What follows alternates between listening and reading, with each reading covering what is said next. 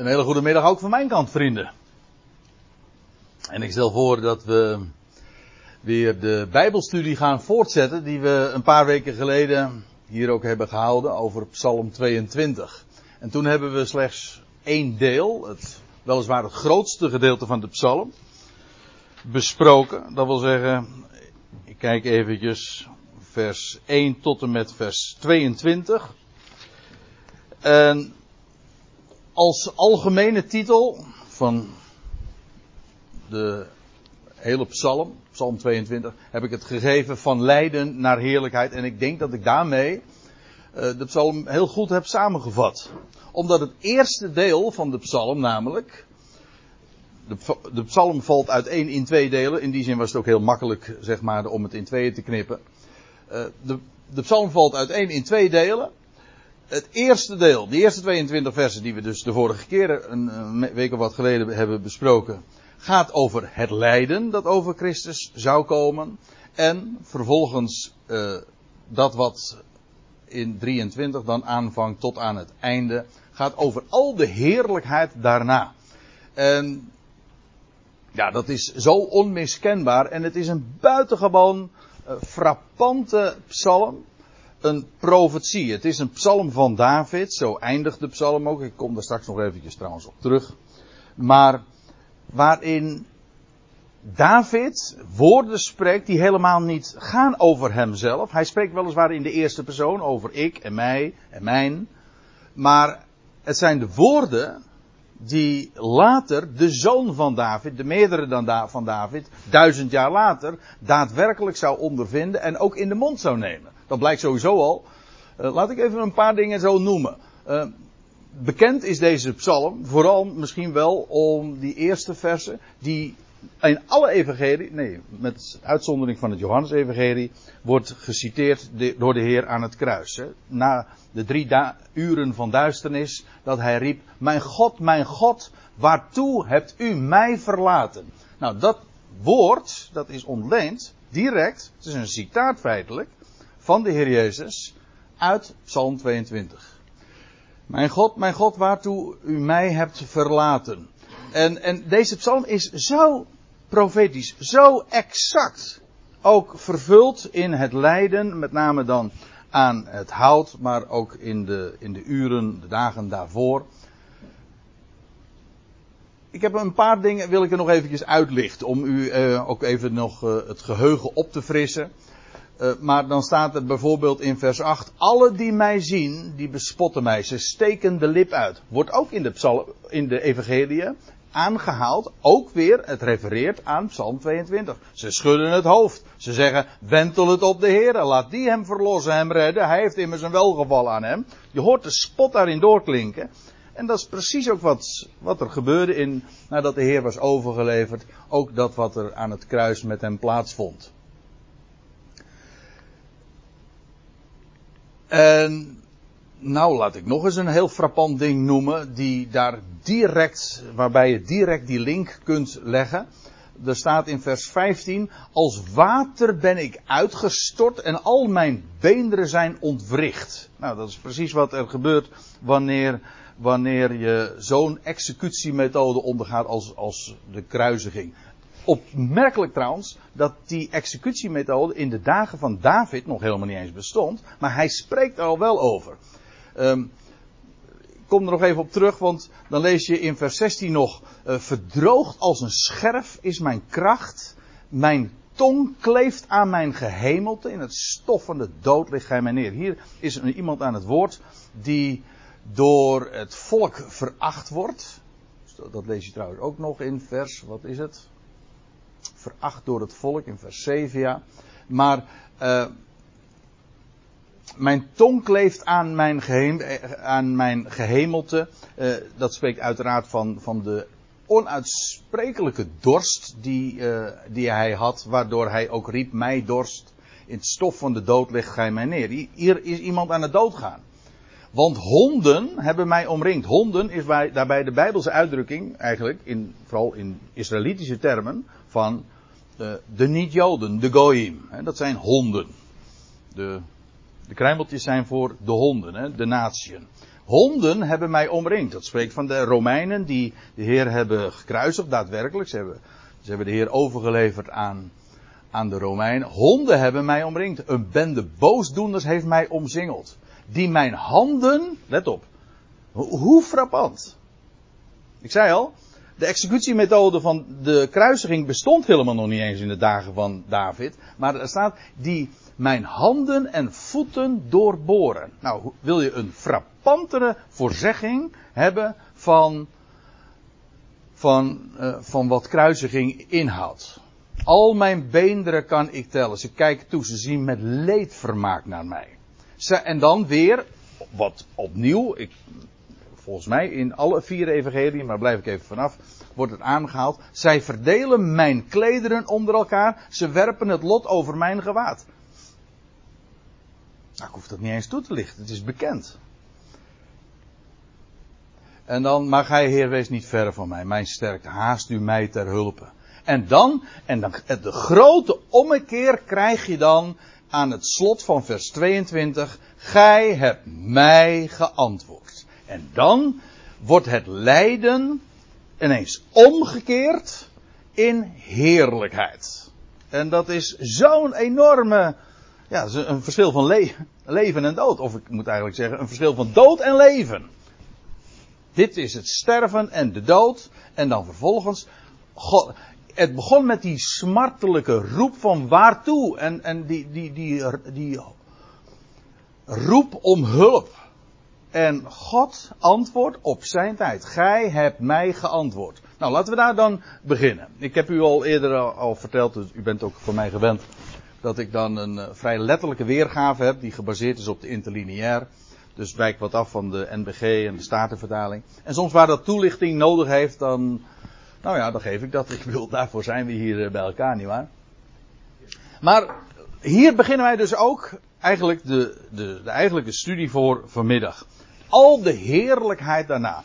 Overigens, die, die uitdrukking van het lijden dat over Christus komen zou en al de heerlijkheid daarna, dat, dat is een, een woord uit de Petersbrief. Ik weet even niet meer helemaal zeker. Ik heb het recentelijk nog aangehaald bij een studie. Maar ik weet niet meer of dat hier was. Dat ging over dat, als Petrus dat dan zegt, dat, dat de profeten in hun eigen geschriften hun eigen woorden hebben onderzocht op hoedanige tijd en wijze de geest van Christus in hen doelde. heb ik dat hier gehaald? Oké. Ja, dat, uh, eigenlijk ligt dat ook wel voor de hand. Maar ik wist dat niet meer zeker. Maar in ieder geval, dat de profeten zelf die hebben gesproken over het lijden, over een, een Christus die lijdt. Ze hebben ook vele profetieën gaan daarover de, die, het Jodendom tot op de dag van vandaag heeft die teksten allemaal wegverklaard. Maar er zijn ook vele profetieën, misschien nog veel meer, die gaan over de heerlijkheid van de Christus. Dat hij zal heersen en dat wat een Jood ook weet van wat met wat de, wat de Messias zou gaan doen.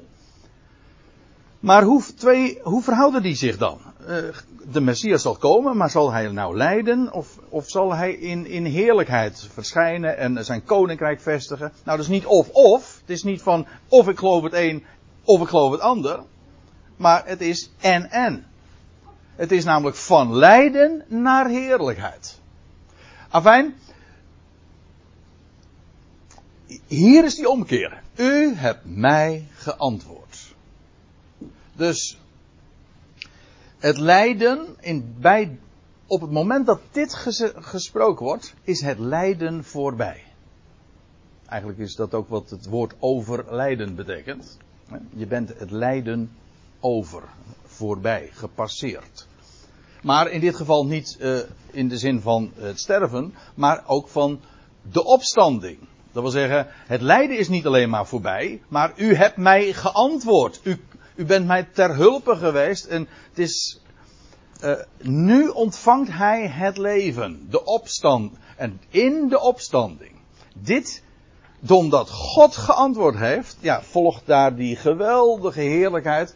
En het is u misschien al opgevallen, ik heb expres uh, hier dit plaatje van een, een, een vijver, een water, getoond met, ja, het is net alsof daar een steentje ingegooid is en En daar ontstaan daar steeds wijdere cirkels rondom dat middelpunt. Nou, dat is wat je in deze psalm ook ziet. En ik wil dat straks ook laten zien. Hoe, hoe er inderdaad een steen in de vijver gegooid is. En rond die steen, mooi beeld trouwens. Rond die steen ontstaan cirkels. In steeds grotere omvang. Totdat het uiteindelijk alles omvangt. Maar, goed. De ommekeer is dat antwoord dat God geeft. Ik wil een, eh, een woord aanhalen uit de Hebreeën. Op de weg hier naartoe. Toen hebben we daar nog eventjes eh, aan gedacht. De Hebreeën 5. Daar staat dit. Die, en dat gaat hier over de Heer Jezus. Die in de dagen van zijn vlees smeekbeden en smekingen bracht tot degene die hem vanuit de dood kon redden. Niet voor de dood kon behoeden, nee, die hem vanuit de dood, dus terwijl hij in de, in de dood zich bevindt, dood is dus, wel, hij heeft in de dagen van zijn vlees smeekbeden en smekingen uh, gebracht, namelijk tot zijn God. Degene die hem vanuit de dood kon redden. Ik bedoel, als een, uh, de mens uh, is aan het einde van zijn Latijn. Ik bedoel, met al ons vernuft en al ons kunnen. Bij de dood houdt het op. Dat is ons, ons plafond. Maar ik vind dat altijd prachtig. Ons plafond, dat is Gods vloer. Daar staat hij op. Daar begint hij. Die hem vanuit de dood kon redden. En dan staat er nog bij. Het is een beetje een, een wat lastige zin qua, qua opbouw. Maar in ieder geval, het gaat over die smeekbeden en, en smekingen die hij bracht. Met luidkeels, sterk roepen. Nou, dat is Psalm 22 ook. Je hoort daar de klank, de, de, de zoon van David roepen en, en, en, en brullen. Ook van, uh, van de pijn, het leed wat hem overkwam. Daar hing hij met recht tussen hemel en aarde. Maar nou gaat het er even om. Want waarom haal ik dit nu aan in verband met dat hij, u hebt mij geantwoord? Wel, uh, daar staat er, en hij wordt nu verhoord vanwege zijn toewijding. Er staat in de MBG-vertaling van, hij is verhoord. Dat was, in de tegenwoordige tijd staat het, hij wordt verhoord. Inderdaad, hij is verhoord. Want heel vaak, ik weet niet hoe u dat hebt, maar is daar toch de gedachte van dat als de Heer Jezus dan ja, in de dagen van zijn vlees, in Gethsemane, dan tot zijn God bidt. En God heeft hem niet verhoord. God heeft hem wel verhoord. Ja, wist en waarachtig. Ik zal straks nog meer plaatsen laten zien. God heeft hem verhoord op zijn tijd. laat deze beker aan mij voorbij gaan. Nou, hij, die beker is ook aan hem voorbij gegaan. Ja, eerst heeft hij hem leeggedronken. Maar de beker is voorbij gegaan. En dat het zo is, dat blijkt ook wel. Dat, omdat er staat van hij heeft smeekbeden en, beden, en smekingen, eh, tranen, luidkeels geroepen. En dan staat er niet van God heeft hem niet gehoord. Nee, hij is verhoord. En hij wordt nu ook gaandeweg verhoord. Dat wil zeggen, God heeft hem geantwoord en al die heerlijkheid daarna volgt daarop. Dus God heeft hem geantwoord. Die vraag van waartoe gij mij hebt verlaten, die vraag is beantwoord. Het, het geweldige antwoord is eigenlijk het tweede deel van Psalm 22.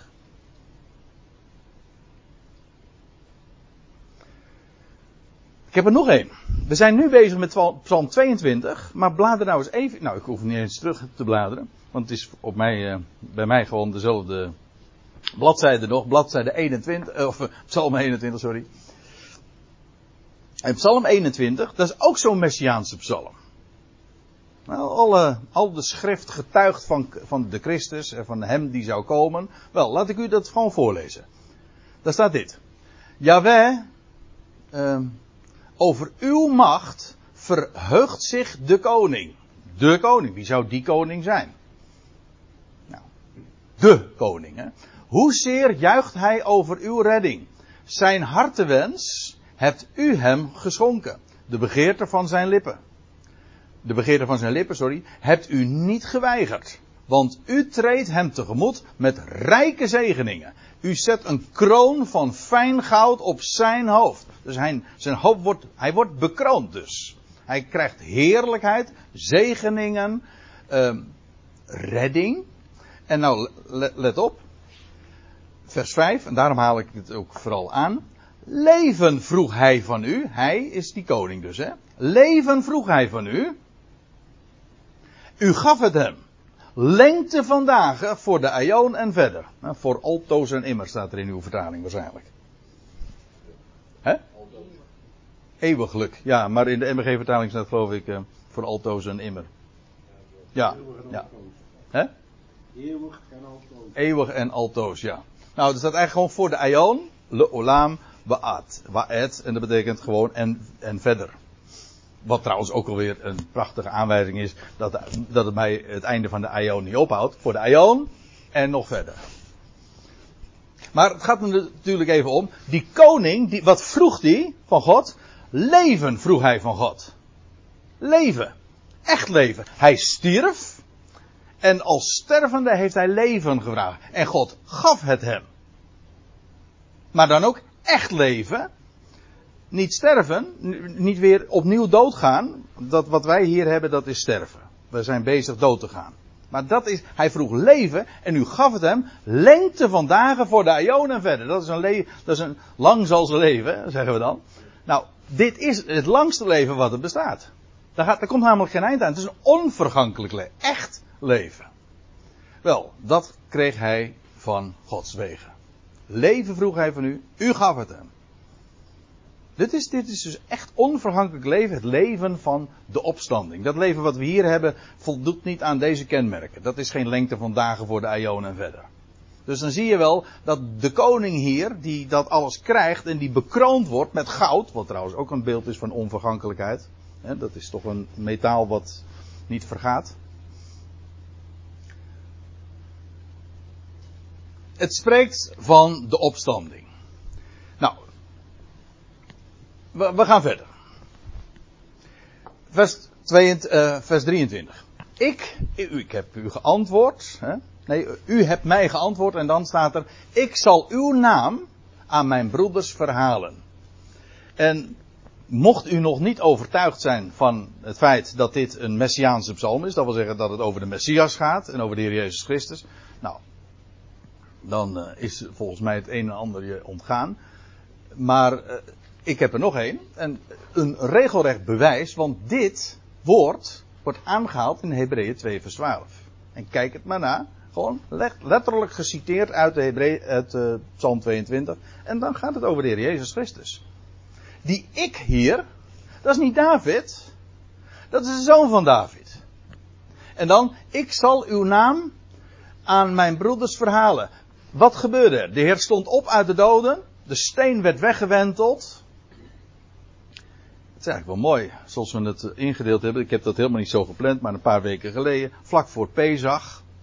Toen hebben we het gehad over het lijden. En nu is Pesach voorbij. De Heer is opgestaan. En nu hebben we het over al de heerlijkheid daarna. Dus dat is nog mooi eh, getimed ook. Hè? Maar wat, wat, uh, wat lezen we als de Heer is opgestaan uit de doden? God heeft hem geantwoord, God heeft hem leven gegeven. Wel, wat deed hij vervolgens? Direct na de opstanding, nou lees het maar mee in Johannes 20. Dan verschijnt hij vroeg in de morgen aan de eerste Maria van Magdala. Verschijnt hij aan, hè, en zij denkt nog dat het de tuinman is. Waar ze bij nader inzien toch ook nog gelijk in had ook. Hm?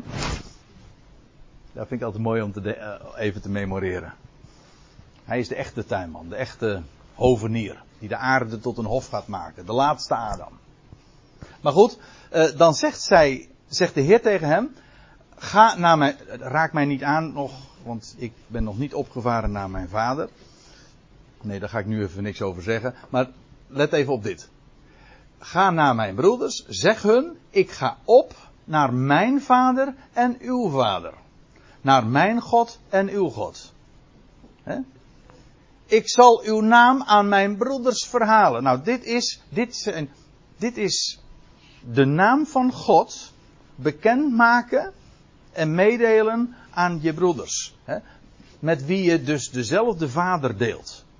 De Heer had voor zijn opstanding heel vaak al gesproken over onze uh, vader, ook over mijn vader, maar nooit over mijn vader en uw vader.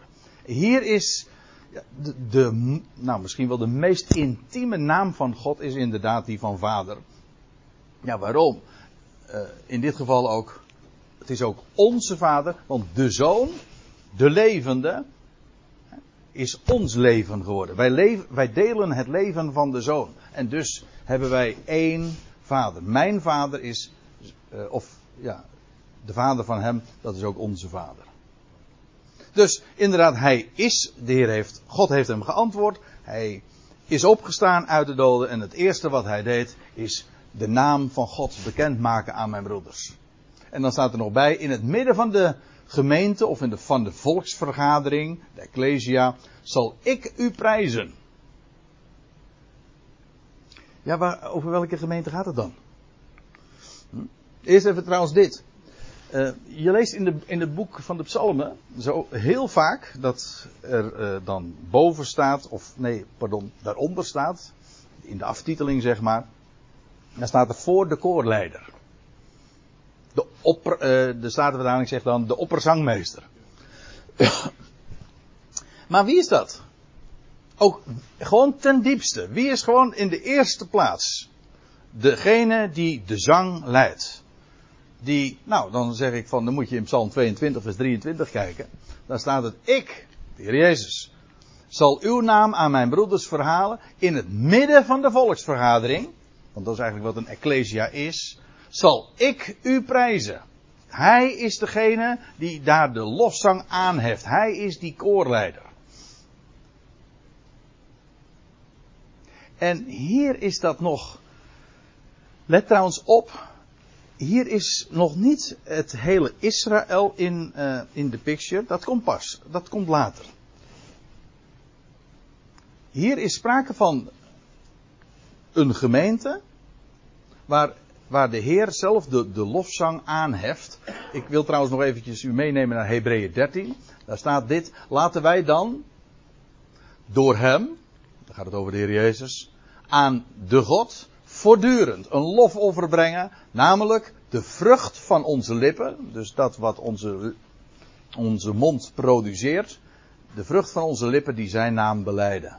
Eigenlijk is de Ecclesia is toch niks anders dan een gezelschap. We komen samen, ja waarom? om, om hem groot te maken. Dat is waarom we, uh, waarom we adem hebben gekregen. Waarom we mond hebben gekregen. In de eerste plaats om hem gewoon groot te maken. Wel, er is nu in. Lub zei zojuist in zijn gebed van in een, we leven in een boze aion, in een boze wereld. En wij, er is een gezelschap. Er is een gezelschap, een vergadering. Een, worden God vergadert zich vandaag een volk, zijn lichaam, de gemeente. En daarin wordt, heeft, is hij zelf degene, het hoofd, hij is degene die ook de lofzang aanheft. Hij prijst God en wij zingen met hem mee, het, zijn lied. En laten wij dan ook door hem en ook daarmee ook met hem aan de God voortdurend een lofoffer brengen. Namelijk de vrucht van onze lippen die zijn naam beleiden. Dus die erkennen hem de credits geven voor wat hem toekomt. Nou, ik, ik lees door. Die Yahweh, u die Yahweh vreest, gij die vreest de naam van Yahweh, looft hem. Al het zaad van Jacob verheerlijkt hem. Let trouwens op. Eerst Jacob. Um, er wordt het is heel opmerkelijk, hè? Hier wordt uh, het, het al het zaad van Jacob aangesproken met verheerlijkt hem. Als we even teruglezen, ik heb het zojuist al uh, even nog, uh, nog even, even aan gerefereerd, in vers 7, daar staat dat, dat, de Heer nog als de leidende knecht roept, tot u hebben zij geroepen en ze werden gered. Nee, sorry, ik ben nu in de war. Oh ja, dat hij zegt in vers 7: ik ben, een ik ben een worm, geen man, een smaad voor de mensen. En let op, veracht door het volk. Wat is het volk? Dat is toch het volk van Jacob? Die hem verachten.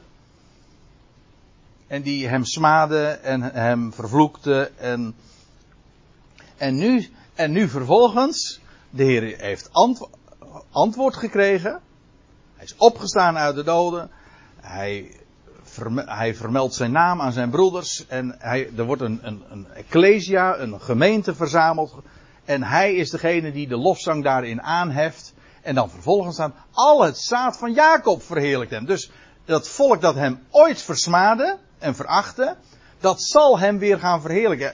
Je zou kunnen zeggen, het is hier nog een oproep. Jawel, maar het gaat ook gebeuren. Ik zal dat straks ook laten zien. Al het zaad van Jacob verheerlijkt hem. Het eerbied voor hem. Al het zaad van Israël. Wat mooi hè? Eerst Jacob, dan Israël. Precies de volgorde ook van de aartsvader. Eerst Jacob. En Jacob werd bij de Jabok, dat al, dat is al een omkering. Hè? Jacob bij de Jabok, dat is een omkering. En daar werd hij Israël. Geslagen op de heup.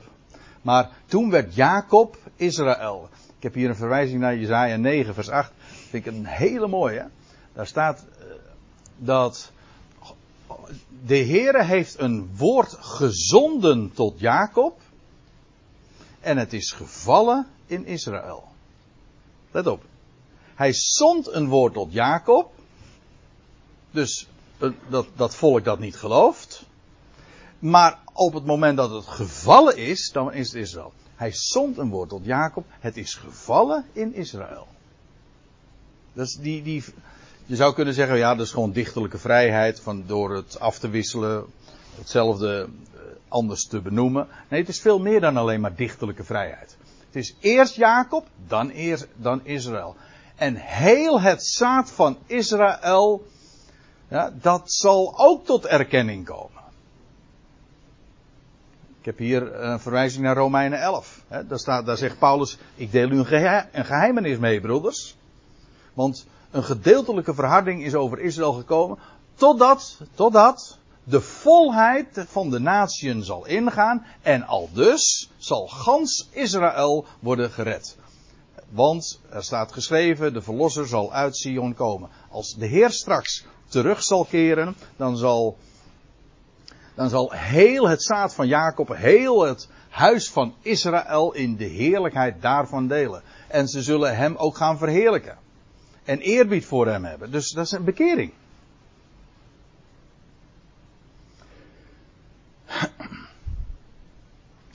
Ik, ik, wil, eh, ik kom er straks nog eventjes op terug om het ook duidelijker te laten zien. Maar ik wil ook laten zien dat hier ook een, een, een chronologische lijn ligt. Het is eerst het lijden, dan de heerlijkheid. Maar ook bij de heerlijkheid zie je een, een ontwikkeling. Eerst dat antwoord. De Heer krijgt antwoord, hij staat op. Dan vervolgens een ecclesia. Wat in onze dagen ook gevormd wordt.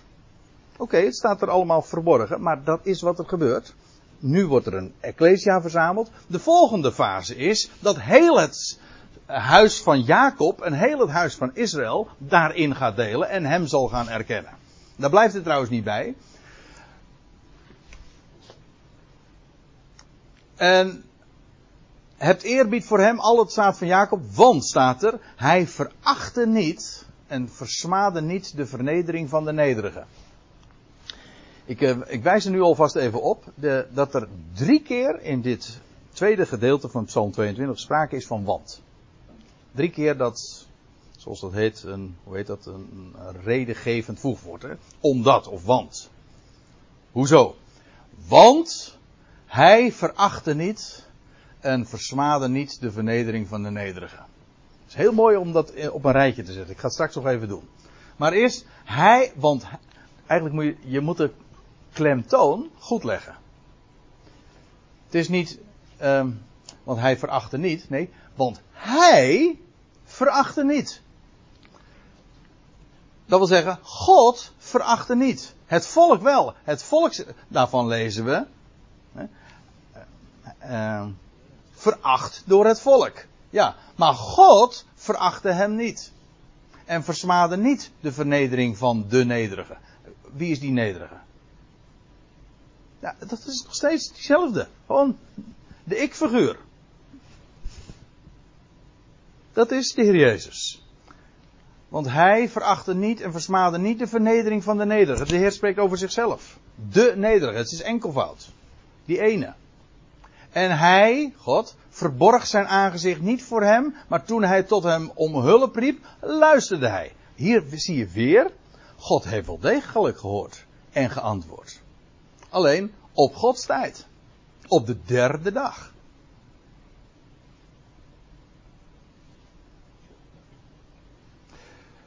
Het is onbekend. Eh, wat ik, terwijl ik zeg, uh, realiseer ik me dat dit heel. Meestal wordt er gezegd van ja, God heeft niet geantwoord. God heeft wel degelijk geluisterd en geantwoord. Alleen op zijn tijd. De derde dag. Dat is trouwens altijd zijn tijd. Dat weet u wel. Lees even verder. Vanwege u is mijn lofprijzing in een grote volksvergadering, in een grote gemeente staat er dan, in de NBG-vertaling, staat de vertaling ook, in een grote gemeente. Mooi hè? Het, is, het was eerst een gemeente. De heer, dan krijg je het ganse huis van Jacob en Israël en, en dan een, een, grote volksvergadering, een grote uh, volksvergadering. Al het zaad van Israël. En mijn, zegt hij dan, mijn plechtige belofte of geloften zal ik betalen tegenover wie hem vrezen. Een gelofte. Je hebt, je, hebt, je hebt het woord belofte. Een belofte is in het algemeen iets dat wat beloofd wordt. God doet beloften. Een mens kan ook een belofte doen, maar als je een belofte doet aan God, dan heet dat een gelofte. Dat is een speciaal Hebreeuws woord voor. En de Heer, de zoon van David, hij heeft ook geloften, plechtige dingen beloofd aan God. Je, het is heel eh, opmerkelijk. Je zou, je zou er eens een keertje kennis van, gewoon een concordantie moeten pakken en zeggen van waar het woord gelofte gebruikt wordt. Dan zie je dat heel vaak uh, met name in het prediker, een aantal schriftplaatsen, dat er gezegd wordt, uh, wees nou zuinig met het doen van gelofte, want u weet het hè, belofte maakt schuld. Je kan wel iets aan God beloven, in de auto hadden we het er ook nog over hè, je kan wel iets aan God beloven, maar God houdt je eraan hè, dus denk erom. Je leest van, je leest van Jacob ook. heb je hem weer. Jacob, toen hij uh, dat hij ook een gelofte deed toen hij, uh, toen hij die droom had gezien. En van als de Heer nou met mij is. De Heer had gezegd van in, in de droom. Hè, van ik ben, ja, ik ben de, de God van jouw vader Abraham en Isaac. En, uh, en dit land ga ik jou geven. Helemaal geen enkel verwijt. Ook helemaal geen vraag. Geen enkele opdracht. Alleen maar God deed belofte. En Jacob staat op. Nog steeds Jacob. En dan zegt van de Heer is waarlijk aan deze plaats. En wat doet hij? Het eerste is van, als de Heer nou met mij is en, uh, en mij geeft uh, brood om te eten, water om te drinken en mij geleidt op de weg, dan zal ik, nou ja, meteen, hij doet een gelofte. God had alleen maar beloofd, had niks gevraagd, had alleen maar beloofd. En het eerste is de mens weer ook wat doen. Waarom niet net als vader, vader Abraham, gewoon rusten op de belofte. Je hoofd op die steen leggen en hij doet het. Maar de Heer, ik moet erbij zeggen, de Heer heeft inderdaad geloften gedaan. En, de, en dan staat erbij, mijn, mijn plechtige gelofte zal ik betalen tegen, tegenover, of in, in de tegenwoordigheid van, wie hem vrezen. Ik neem u even mee naar, naar nog een andere psalm. Psalm 116, die is ook bekend. Gaat ook weer over de Messias. Vers 8. Ik, ik haal even een, een aantal teksten, uh, haal ik, licht ik er eventjes uit, uit om, om u te laten zien waar het over gaat. Want staat er, u, God, hebt mijn ziel van de dood gered. Opstanding. Vers 12. Hoe zal ik Yahweh vergelden al zijn weldaden jegens mij? De beker der verlossing zal ik opheffen. Dat is een prachtig beeld. Hè? Dat is. Op het leven het is die beker van de verlossing zal ik opheffen. Ik zal de naam van Yahweh aanroepen. En mijn gelofte, daarom haal ik het aan. Mijn gelofte zal ik aan Yahweh betalen. In de tegenwoordigheid van al zijn volk. Israël. Ik zal u uh, een lofoffer brengen en de naam van Yahweh aanroepen. Mijn gelofte zal ik aan Yahweh betalen in de tegenwoordigheid van al zijn volk. In de voorhoven van het huis van Yahweh in uw midden, o Jeruzalem. Halleluja. Hier, hier worden we echt weer verplaatst naar het terrein van Israël en van Jeruzalem. En ik ben ervan overtuigd dat de Messias straks ook uh, al de, de geloften uh, zal betalen. En straks in Jeruzalem als de, als de koning priester zal geven in de tegenwoordigheid van, alle, van al het volk dat hem zal vrezen inmiddels. En, en aan zijn volk zal geven dat wat, uh, wat hij te geven heeft als de koning, als de priester. En ook daadwerkelijk lofoffers zal brengen. Ik, ik, ik, ik, ik lees dat gewoon heel letterlijk zoals er staat. In het midden. Wa wanneer? Straks. Als heel het volk daar inmiddels in, in, de heerlijkheid zal delen, maar ook daar in Jeruzalem. Ik lees nog even verder, in, uh, inmiddels weer in Psalm 22. Nederigen, hier let op, meervat. Hier gaat het niet alleen meer over de Heer Jezus zelf, maar nederigen zullen eten en worden verzadigd. Ook weer een bekend beeld uh, van uh, bij de profeten. De, de gedachte van een feestmaaltijd. Straks, als heel het huis van Israël zal delen in, in de heerlijkheid van het nieuwe leven en uh, het Messiaanse koninkrijk zal aanbreken, dan zal de Heer uh, dat is een feest, hè? Dat is een bruiloftsfeest. Ja, dat is een, bruilofts, dat is een bruiloftsfeest. Dan gaat de Heer namelijk een nieuw verbond sluiten met zijn volk. En uh, dan, zijn, dan is hij de bruidegom. En niet de kerk is de bruid. Israël is de bruid. En dan, gaat, en dan gaat alle volkeren gaan uitgenodigd worden voor dat feest. Weet u welke dag dat is?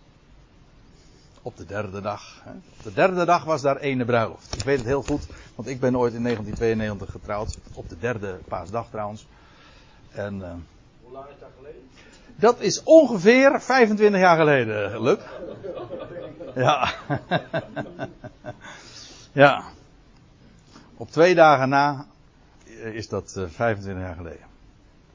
Maar uh, dat was, op onze trouwkaart hadden we de, de, tekst van op de derde dag was daar ene bruiloft.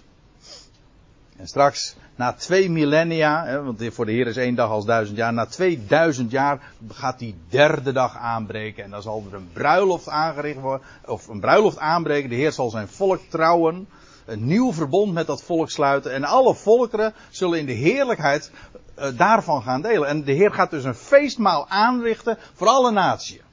Nou, daar wordt hier ook over gesproken. Ik neem u nu even mee naar Jezaja 25. Daar staat, en Yahweh, van de legerschaar, de heren der heerscharen, zal op deze berg, en kijk het maar na, dat is Sion.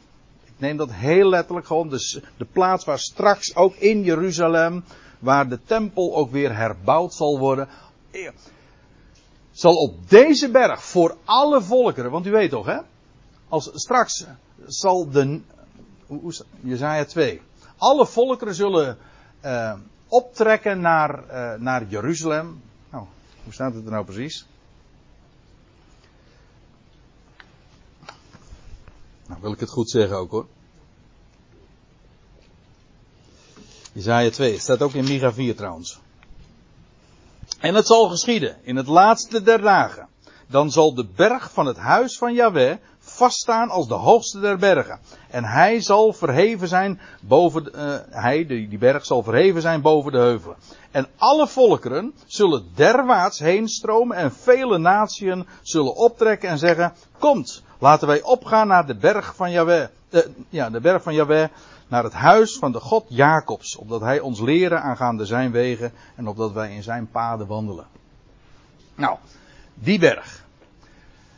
Jawel zal voor alle volkeren een feestmaal van vette spijzen aanrichten. Echt een feestmaal, dat is niet, niet kinderachtig hoor. Een feestmaal van belegen wijnen, van mergrijke, vette spijzen, van gezuiverde, belegen wijnen. je, hebt, je hebt mensen die erg uh, grote liefhebbers zijn van, uh, van goede wijn, nietwaar? Ja, daar hadden we het in de auto ook over. Uh, maar,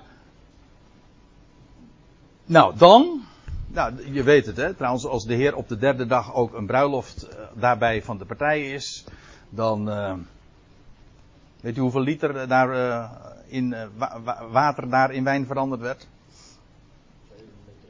Ja, 12 vaten van 6 metreten. En, nee, het was 600 liter. Hè? Dat is de inhoudsmaat die daar gegeven is 600 liter. Alsjeblieft.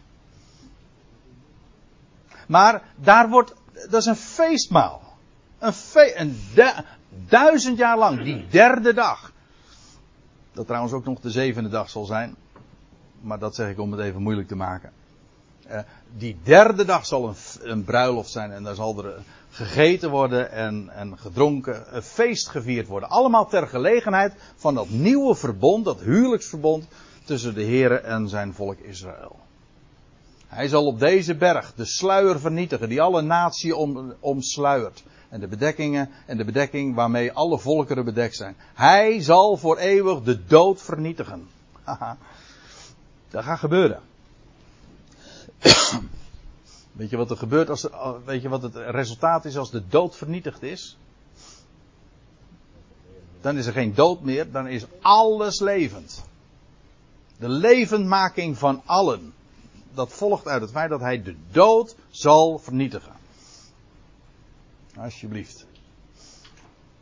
God denkt zo groots. Ik bedoel, het is. Het begint klein, maar goed, laten we eerst nog even doorlezen, want ik, dat, ik kom daar straks nog eventjes op terug. Uh, nederigen zullen eten en worden verzadigd. En wie Jaweh ernstig zoeken. Jullie hart leeft op voor de toekomst. Ja, want die gaat dan echt aanbreken gedenken en terugkeren tot Yahweh zullen alle einden van de aarde. Dus waar je ook bent op aarde, maar alle de, de, grens, de begrenzingen. Over die uitdrukking hebben we wel eens vaker nagedacht. Het is helemaal geen, geen, geen primitief wereldbeeld. God noemde het droge aarde en de, de einde der aarde is gewoon dus de kuststrook. Ik woon aan het einde der aarde. Hm? Nou. Gedenken en terugkeren tot Jahweh zullen alle einden der aarde. En, en zo ontstaan steeds wijdere cirkels. Want laten we, laten we het zo op een rijtje zetten. In vers 21 lazen we nog. Toen de Heer Jezus stierf. Dan zegt hij. Dan spreekt hij over mijn eenzame ziel. Daar, toen hij stierf. Was, hing hij daar tussen hemel en aarde. Eenzaam. Nou. Dan wordt hij. Wordt er geantwoord krijgt hij leven en dan lees je over een gemeente in vers 23. Dus in onze dagen. Dan krijg je al het zaad van Jacob en Israël. Hier een wijdere cirkels. Zie je? Steeds wijdere cirkels. Eerst die eenzame ziel, die ene die stierf. Dan krijg je een ecclesia, nog bescheiden in onze dagen. Dan krijg je dat is de volgende fase in Gods plan. Al het zaad van Jacob en Israël. Dat is die grote Ecclesia. En dan, en daar zijn we nu inmiddels, in vers 28. Alle einden der aarde. Dus van die eenzame naar heel de wereld. Alle einden der aarde zullen gedenken en terugkeren tot Yahweh. Niet alleen dus, let op, het, heel het huis van Jacob zal terugkeren. Maar dat niet alleen. Heel. Um, alle einden van de aarde. En er staat ook alle geslachten van natie. Ja. En zij zullen voor uw aangezicht aanbidden. Dit is waar we nu in leven. Waar nu God zich nu een volk verzamelt. Dat is een boze aion. Straks breekt er een nieuwe aion aan. Dat begint allemaal met de bekering van Israël, maar het gaat vanaf zijn troon gaat de Heer zijn koninkrijk vestigen wereldwijd. Gewoon in deze wereld nog, hè? Oké, in een nieuwe aion, maar in deze wereld. en men zal terugkeren tot Yahweh en hem en zich voor hem neerbuigen. Alle geslachten van natie. Want, is de tweede keer het want. Het koninkrijk is van Yahweh. En hij heerst te midden van de natie. Dat is, ik zie, dat is gewoon letterlijk. Het, het is een letterlijk koninkrijk. Hij is de zoon van David. En het huis van David zal hersteld worden. Daar in Jeruzalem. De troon van David zal bezet worden. En hij zal heersen vanuit Jeruzalem over alle volkeren. Niet alleen over Israël, maar over alle volkeren. Dus in de eerste keer lazen we, hij verachtte niet en, uh, en versmaadde niet de vernedering van de nederigen. Dat was het eerste wand. En nu, het koninkrijk is van Yahweh. Ik, ik wil één dingetje nog even bijzeggen. Kijk, dit is Psalm 22. Als u nou vraagt, als ik nou nu zou vragen van wat is de allerbekendste psalm? Dan zou u waarschijnlijk zeggen Psalm 23. Denk ik zo. Beide psalmen zijn van David. Psalm 23 een geweldige psalm. Maar het is toch eigenlijk opmerkelijk dat Psalm 23 zo enorm bekend is. De Heer is mijn herder. Mij ontbreekt niets. Maar het gaat allemaal nog over mij. Psalm 22 is zoveel groots. Het gaat niet alleen over mij. Het is prachtig als je kunt zeggen van de Heer is mijn herder. Maar het gaat over dat koninkrijk. Dat, dat wereldwijd gevestigd gaat worden. Over heel het huis van Jacob en over alle naties. Hij zal heersen te midden van de natie. Dat is die dag, die aion, die, dat wereldtijdperk dat gaat aanbreken. Hij zal met recht dus koning zijn op de troon van David, eh, op de berg, dat wil zeggen daar in Sion, en hij zal te heersen te midden van de natie. Alle welgedanen daar op aarde zullen eten en neerbuigen. Hier heb je weer trouwens diezelfde beeldspraak als die we ook twee versen eerder tegenkwamen. Over dat feestmaal van die vette spijzen. Alle welgedanen op aarde zullen eten en neerbuigen. Voor hem knielen allen die in het stof neerdaalden. En zijn ziel niet in leven kon houden. Ook hier heb je weer de gedachte van nieuw leven. Die in het stof neerdaalden, stervelingen dus, en stierven. En ja, wat is het resultaat dat je dood bent. Maar, is dat dan het einde? Nee, want voor hem zullen zij allen neerkwielen. Nieuw leven, opstanding. De derde dag.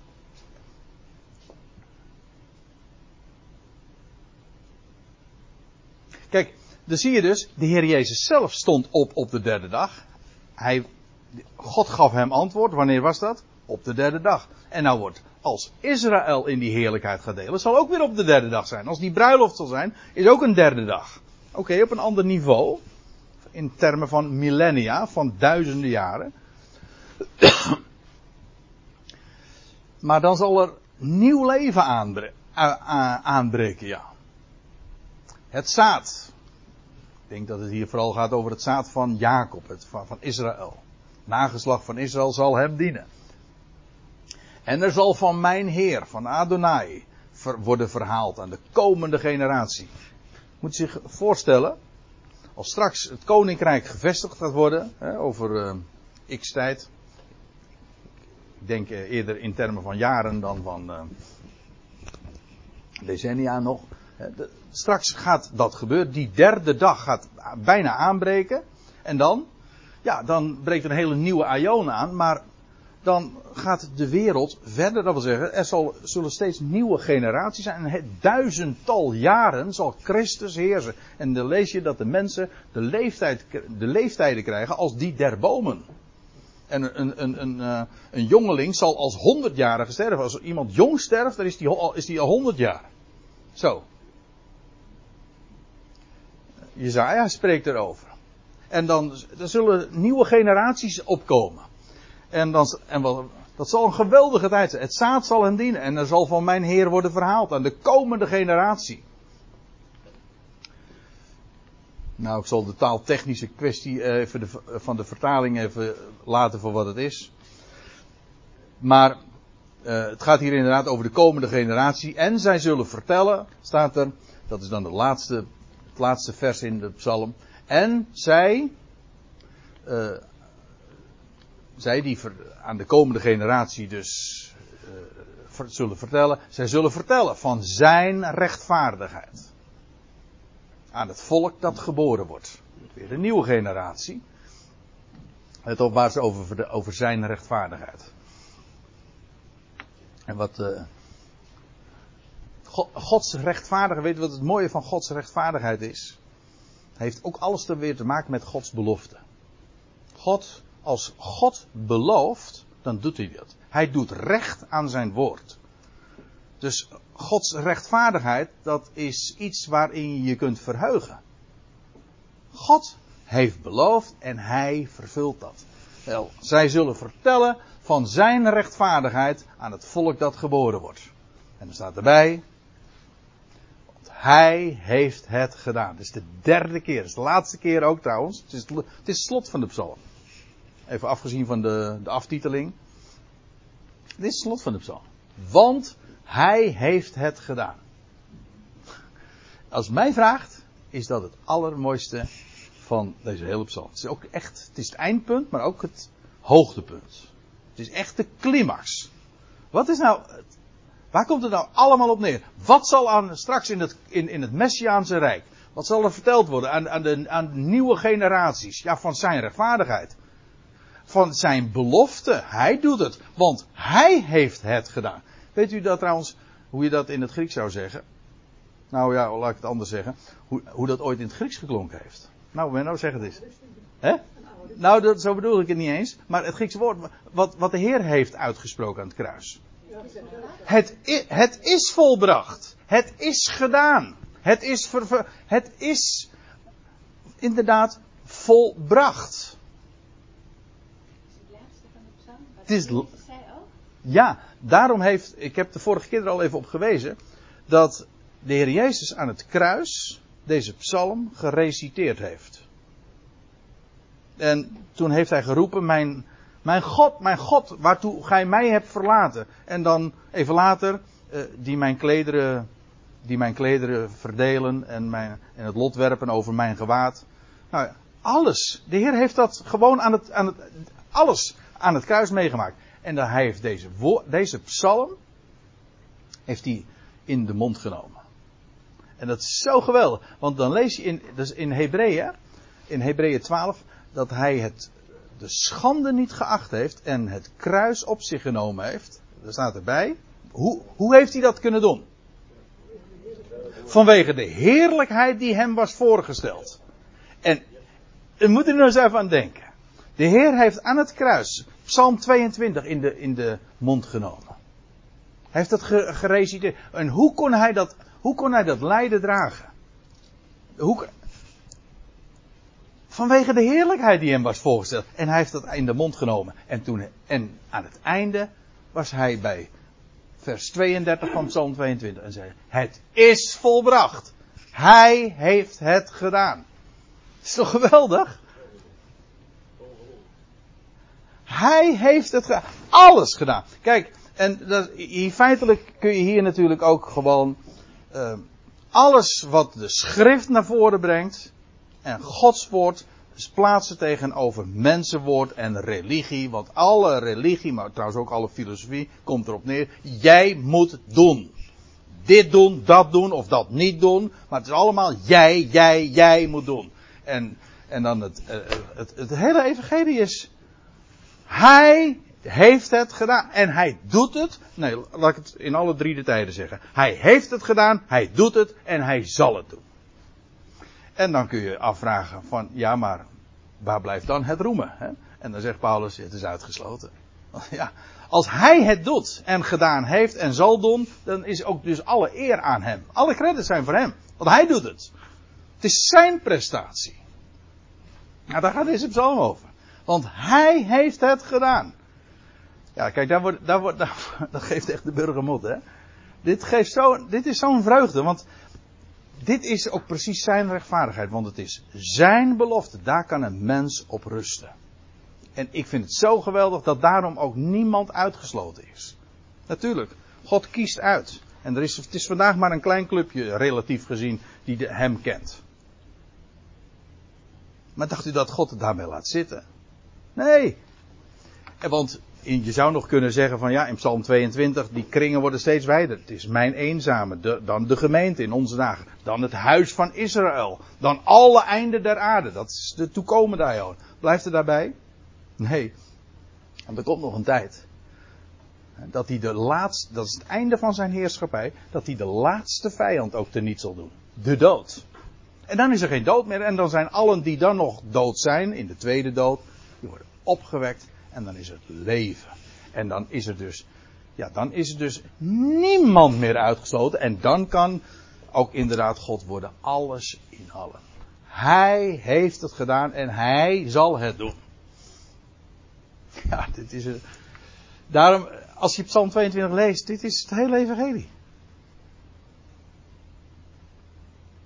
En dat is die psalm van David. Ik zei u de vorige keer al.